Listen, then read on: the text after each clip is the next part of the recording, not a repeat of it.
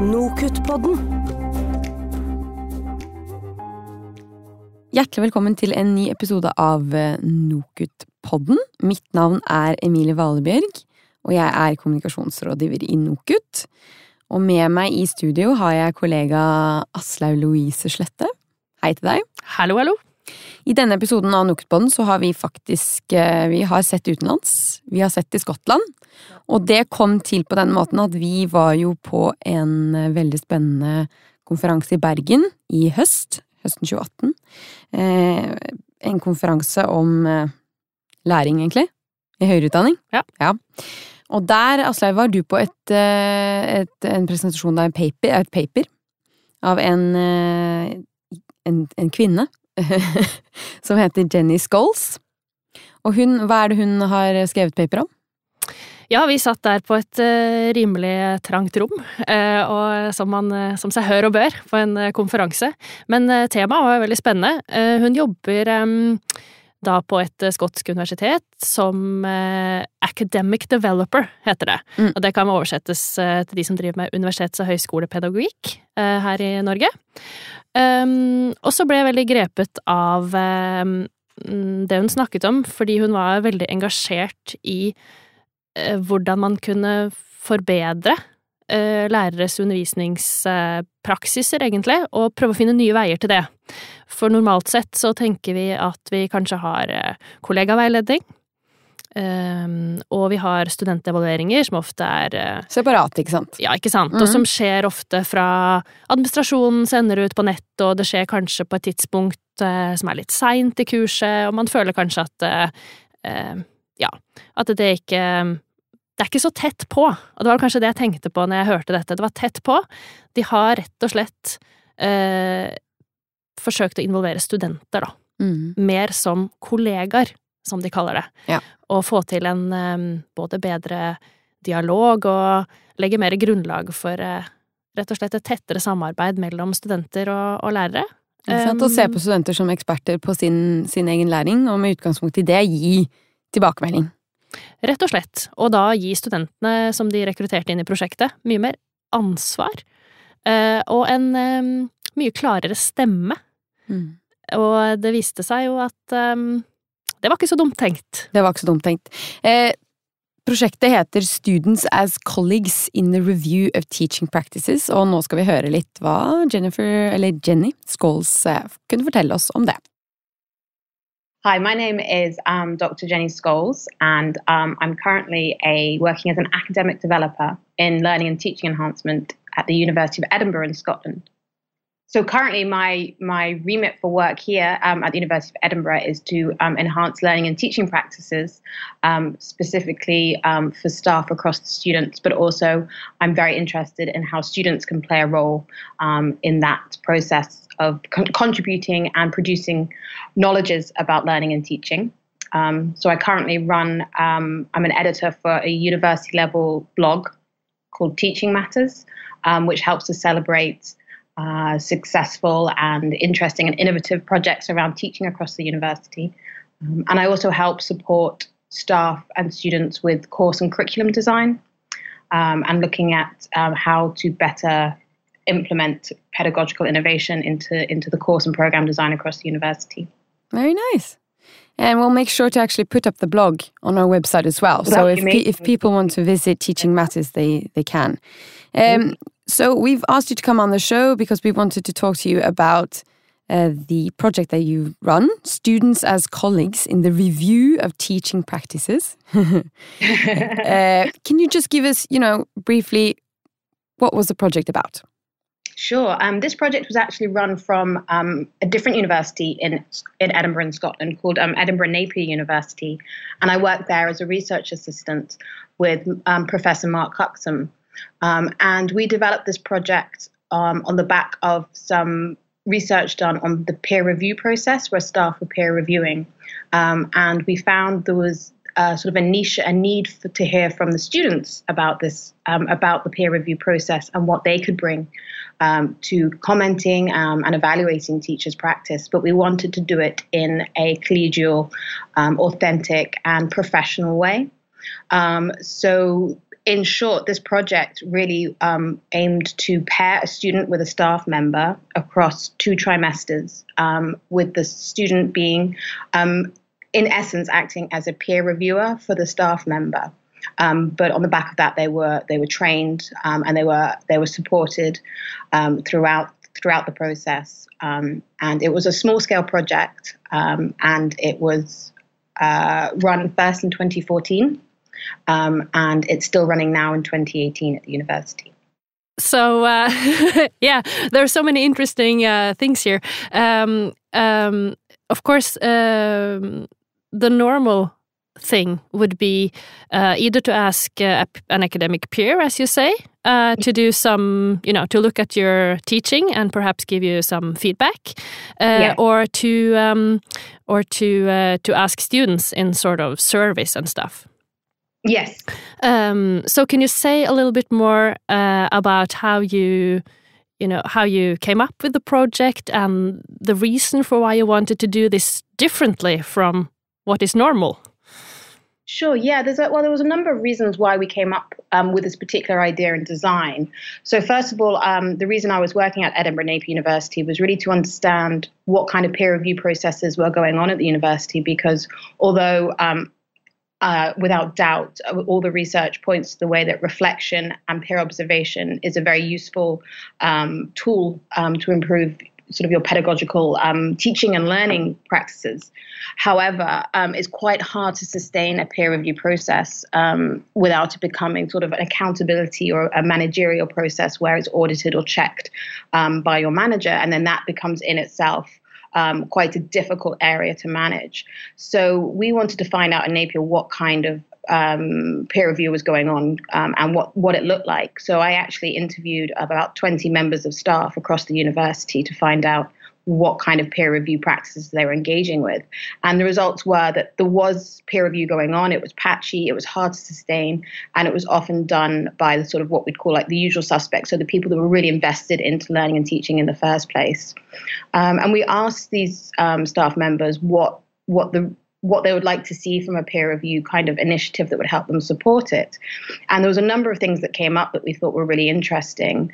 Um, so, firstly, it's obviously the issues of time to ask someone. Um, as an academic staff, to, to peer observe your teaching because it's giving up what is essentially um, quite a, a, wee chunk of time, but enough to really sort of like take away from their their busy teaching schedule, um, and um, to help them out. They also felt that if they ask a peer in their same department or same discipline, um, you have a number of um, sort of power relations going on there, such as like you don't really want to criticize them because you're going to be working with them. Um, also, you may get this whole kind of like the pat on the back thing where you think, oh, you know, you're a pal. Yeah, you've done great. That's great. You know, let's carry on with what you're doing. Um, and also, just having somebody within your own department kind of kept that idea that you were just sort of not looking out, not looking further than what you were doing in a department. You weren't really learning from other disciplines or other departments in the university. Um, the other reason was that um, some of them were asking um, actually that they wanted the student's voice to be heard in their kind of peer review because um, without sort of sounding managerialistic, they were saying that the student is the main stakeholder here in this process. Um, and currently, some sort of student voice initiatives um, are sort of based on sort of large scale um, either feedback questionnaires. We have the National Student Survey in the UK, um, or we have um, sort of end of end of module evaluations. Um, and sometimes the you get either those students who want to say something negative because they're feeling very emotional about something or they want to you know praise somebody so it's quite hard to actually get the sort of the in the in the middle kind of useful feedback sometimes um, and it can be quite quite shallow. And the student actually doesn't feel maybe like their voice has been listened to because it happens too late in the process. It's at the end of a term or end of a, a module. Um, and the other thing we found academics were saying was that the traditional method of peer observation is normally what you call peer observation of teaching, which happens in a lecture or a classroom. Um, and as you know now, teaching is happening in all different kinds of spaces, particularly online now happening outside. It's experiential. It's in the environment. It's it's working maybe in small labs or workshops um, it's peer led so there's lots of different teaching spaces that sometimes get missed in the traditional peer observation of teaching um, schemes.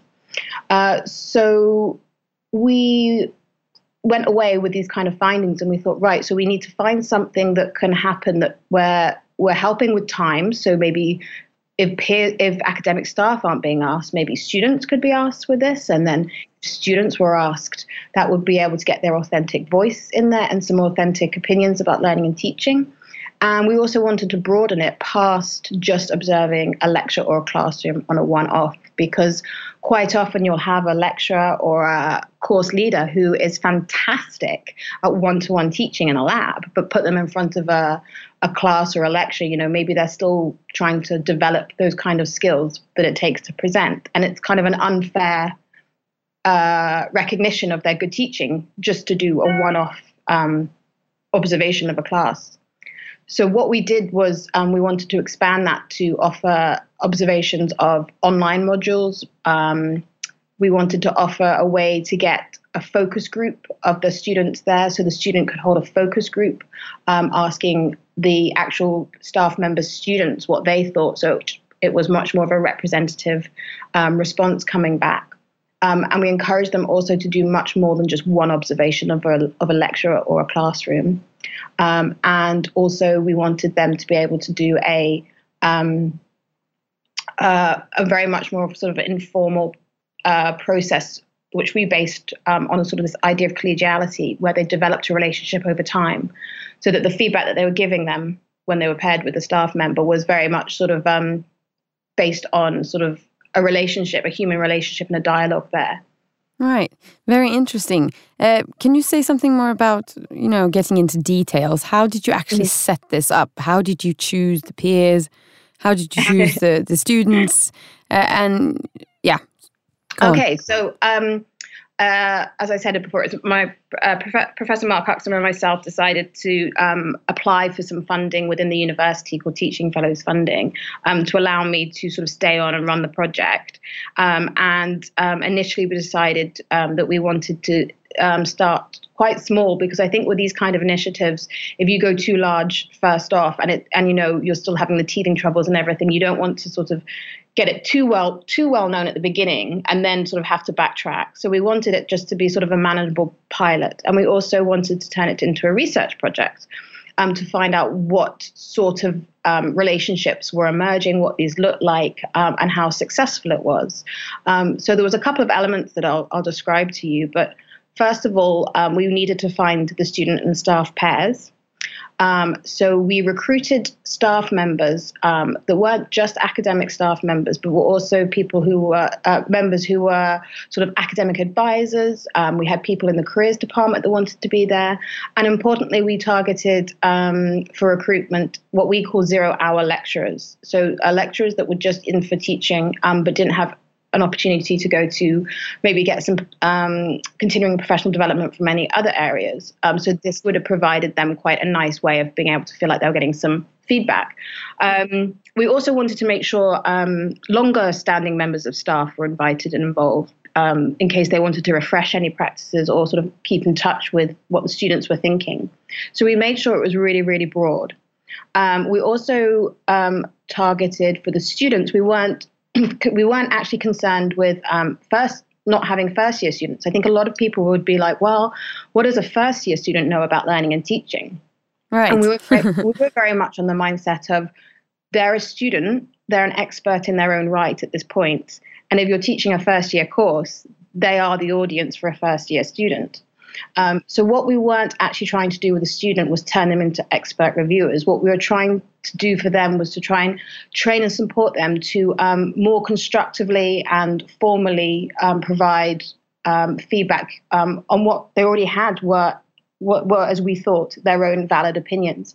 And this is what in the literature can be called sort of the epistemic salience. So they're saying that students have their own knowledge and their own expertise that is it should be as valued as anybody else's at that moment in time.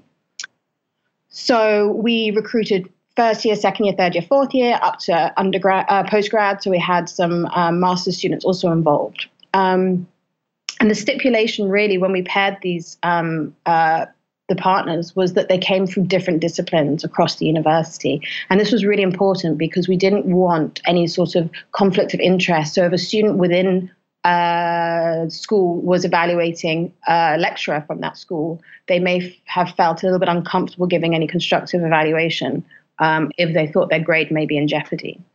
Right, Um, and this- schools in, in English is uh, faculty uh, Faculty, in yeah. Norwegian translation. yeah. yeah, faculties.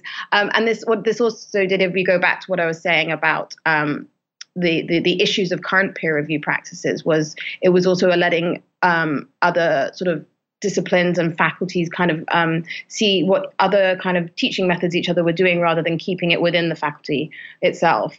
Um, so this kind of cross disciplinary um, approach we thought would be quite effective in that way. And so, you know, you paired these uh, students together with uh, with the academic staff. And how did it go? How did it go? Well, overall, we did deem um, the project a success, but we learnt so much along the way. Um, and really ha- are still now four years on writing papers from it, um, trying to improve the process, um, you know, everything, pulling out ideas. I think for me, the biggest success, what became the biggest success for me was seeing students develop relationships with their academic staff member that carried on past just the project, which for us really made the project worthwhile in the sense that we were trying to humanize student staff relationships. We were trying to create um, a collegial friendship almost there. And we have one example of in our first cohort that um, when the student graduated, her parents actually came and stayed with the academic super academic staff member that she had been evaluating in the first project. Really? yeah, just so lovely. Um, that's not to say all of those relationships were as sort of um, uh, you know bonded as, as as that one was. Some of them were much more sort of profession on a professional level and and everything. But what it did show us was um, the uniqueness of relationships and the idea of this sort of mentoring can happen both ways, both from staff to student, but student to staff as well. Um, and what was really interesting was during the project, we. Um, sorry, can you? I'm I'm beeping everywhere. I'm just, I'm just going to delete my come back to that. Um, sorry, I, sh- I should start again, shouldn't I? yeah, that's all right. Um, I could hear the beeps of my email in the background. Um, so, what was really interesting um, in the research side of this project, our pilot project, is that we actually asked um, the academic staff members who are involved to nominate a peer. So, a peer that would normally be that person that would review their teaching practices, because what we wanted was a sort of paired control to see if um, the a staff member would give qualitatively and quantitatively different feedback than a student would. Um, so the way we did this was we asked the staff member um, to invite both the student and the peer into one lecture or class that they were delivering. Um, and the student and the peer were both given uh, the same feedback form uh, to fill in about when they were observing the teaching. And then we also recorded a debrief between the peer and the staff member and the staff member and the student. And that gave us quite a bit of data to work on to see what kind of words that they were using, to see if um, students actually gave longer written responses than the staff member, and to see what kind of tone it was it was it negative, was it positive? Because one worry was that students may not feel like they could give negative or, or critical criticisms or evaluations back to teacher because they would feel that those power relations were too difficult to manage.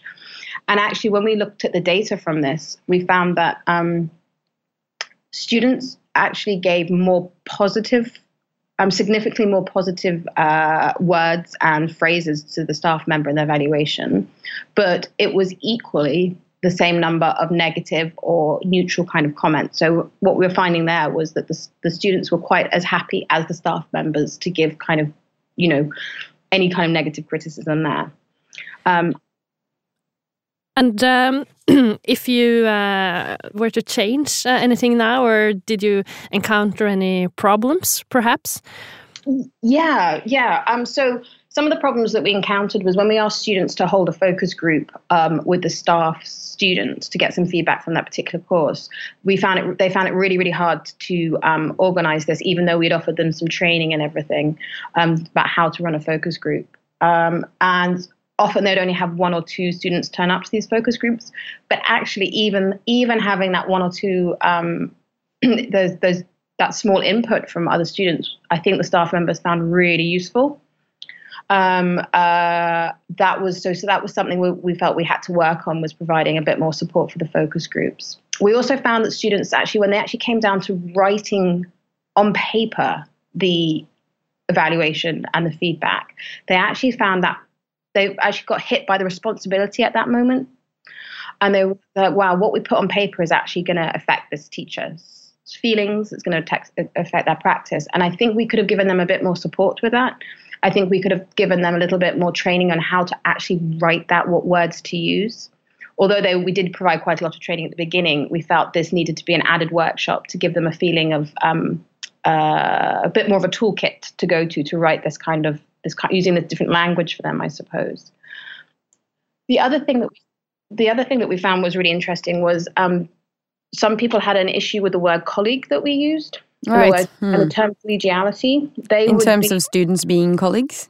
Exactly, because mm. students, importantly in our project, the students weren't paid. Now, when you look at a lot of these initiatives that are going on, um, and we were very much inspired by Alison Cook-Sather's work, um, and she runs a program in America called Students as Learners and Teachers, where students act as paid consultants for a semester. Um, so a bit more broader than just peer review. But this very much um, was what our project was based on. And um, we really hummed and hawed about whether we should pay our students. And we actually thought, in the end, no, we don't want to pay them. But what we will do is give them ways that they can use this experience to help their CV um, and develop um, help when they're going to interview for jobs. And we um, anecdotally know that a, a, couple of the students went to jobs after graduating using the project experience that they had, um, and it helped them gain experience, uh, gain a job in in in the education sector, um, which was was again fantastic to hear. Um, but because they weren't paid and staff members are paid, so if they're getting a peer review peer reviewer as a staff member or a peer, they they feel, felt it was kind of part of their paid job to do this. So a lot of them were like, well, why should the students invest as much time in this? So um, a paper that I'm just finishing up writing now is really exploring what we mean by the the idea of collegiality, um, and uh, what we thought the project needed was actually when the student and staff member first met to sort of develop, start developing their relationship. We thought they should take maybe half an hour to sit down with a, a, a, a contract, as you were. We called it the collegiality contract, um, for them to decide and define for themselves what they thought collegiality meant. Um, and once they had formed that definition, how they were going to enact it in practice. So they kind of had like guidelines about what was expected of them. The um, students. The students and mm. the staff together. So right. that that pair together on their first meeting mm. um, explicitly talked about what collegiality meant for them um, and what was expected of them. And this also fed into an issue that we had in the first first round of the project was um, we found that staff and students have very different practices of communication. We assumed that students would be checking their emails all the time. So I acted as a facilitator throughout the project, just gently reminding people when they should be starting to think about different evaluative exercises, you know, that maybe they should start thinking about the focus group right now. And if you need any help, to, to contact me. Um, and the staff members were absolutely fine on email, but they found that their students weren't responding to them. Um, and they found this really almost rude and perplexing. And it wasn't until we really got into the project and they were meeting much more regularly that they just just by chatting to each other, the students were like, "Do you know? Do you mind if you actually just text me on my phone to let me know when we're going to meet right, up?" Yeah, mm. They did. My, they sort of figured it out. They figured it out themselves, mm. but it became very much um, te- through texting or through Facebook or something that they actually communicated with each other. Yeah, I don't think we you're the only ones that has experienced that. yeah. So we had naturally assumed that email was going to be was going to be the way forward. So again, in the collegiality collegiality contract, we decided that it would be a good idea for them to sort of specify what what was the best way to get in touch with each other, rather than assume it was email. We uh, we soon have to sort of uh, wrap up, but how's this? Do you know? Do you have any data or anything on how this has actually affected um, the academic staff in terms of how they teach now? You know, how they used feedback from both students and uh, peers uh, Sure. to sort of develop and, and improve their teaching? Do you have any data on that? Um, that's a really interesting question, and it's something that um, would be a really interesting research question to go back and have a look at the teachers that have had it and where they are now, um, sort of two, three, four years down the line. Um, short term wise, um, what was exciting about this project is it meant because the students were doing the evaluations as trimester two um, was going on um, and meeting regularly, they could actually the the staff member could implement those changes straight away. And the evidence we most had was for the fact that when students could comment on the um, online online spaces, what we were using a, um, a virtual learning environment called Moodle at the time, and um, the students were at, had access to the Moodle page, and they could comment quite quickly if you know some of the simple, quite simple things, but like the order of the slides that were put up when they were re- released, um, how it looked. Um, and we had one student quoting saying, just when I saw that the that next week the staff member had um, changed her Moodle pages to reflect my feedback, she said she was absolutely thrilled to pieces because I think a lot of the students were worried that even though they were being involved in this project, it would be tokenistic, and that the staff members would go, yeah, yeah, that's very nice, but only a student said that. Um, and the, so I think the students were really empowered when they actually saw the lecturers taking on um, their suggested changes for these Moodle pages. Um, and also the sort of um, in the debriefing ses- sessions we had with them, we found a lot of data suggesting that um, it was much more of an emotional support that the students provided. So sometimes it wasn't evidenced by the actual changes in their um, physical documents that they use for teaching or um, their slides. It was actually much more of an emotional support that they were providing and much more of a reassurance. And when we compared that to the peers' um, responses, they were again supportive, but in a much more professional and directive way. Mm. Yeah. Where, yeah, Um, perhaps some of our listeners are thinking, uh, "Ha, perhaps I should try some of this." um, and uh, of course, uh, it's important in uh, in your um, project that you have been using the students from a different subject. Yes. Um, do you think, or do you have any ideas um, for uh, perhaps doing some of the same initiative, but with students within the same subject? Because that might be uh, easier for some teachers, you know, to yeah, to start uh, to start with. Um, oh, absolutely. Um, and I think as long as as long as the student isn't necessarily maybe enrolled in that course, um, so that there's going to be they feel like they're going to be. I think that would be a real conflict of interest.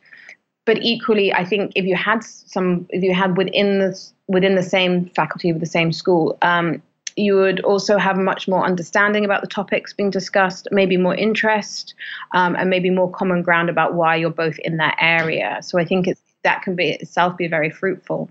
Uh, and also, um, I I generally think believe that in this kind of students as partners work, um, that rolling it out on a uh, university level, you know, you must do this. This is a great idea. Everybody should do it. Um, maybe isn't the best idea because um, the whole point about students as partners, I think, is that it shouldn't be top down managerialistic. It needs to come from bottom up.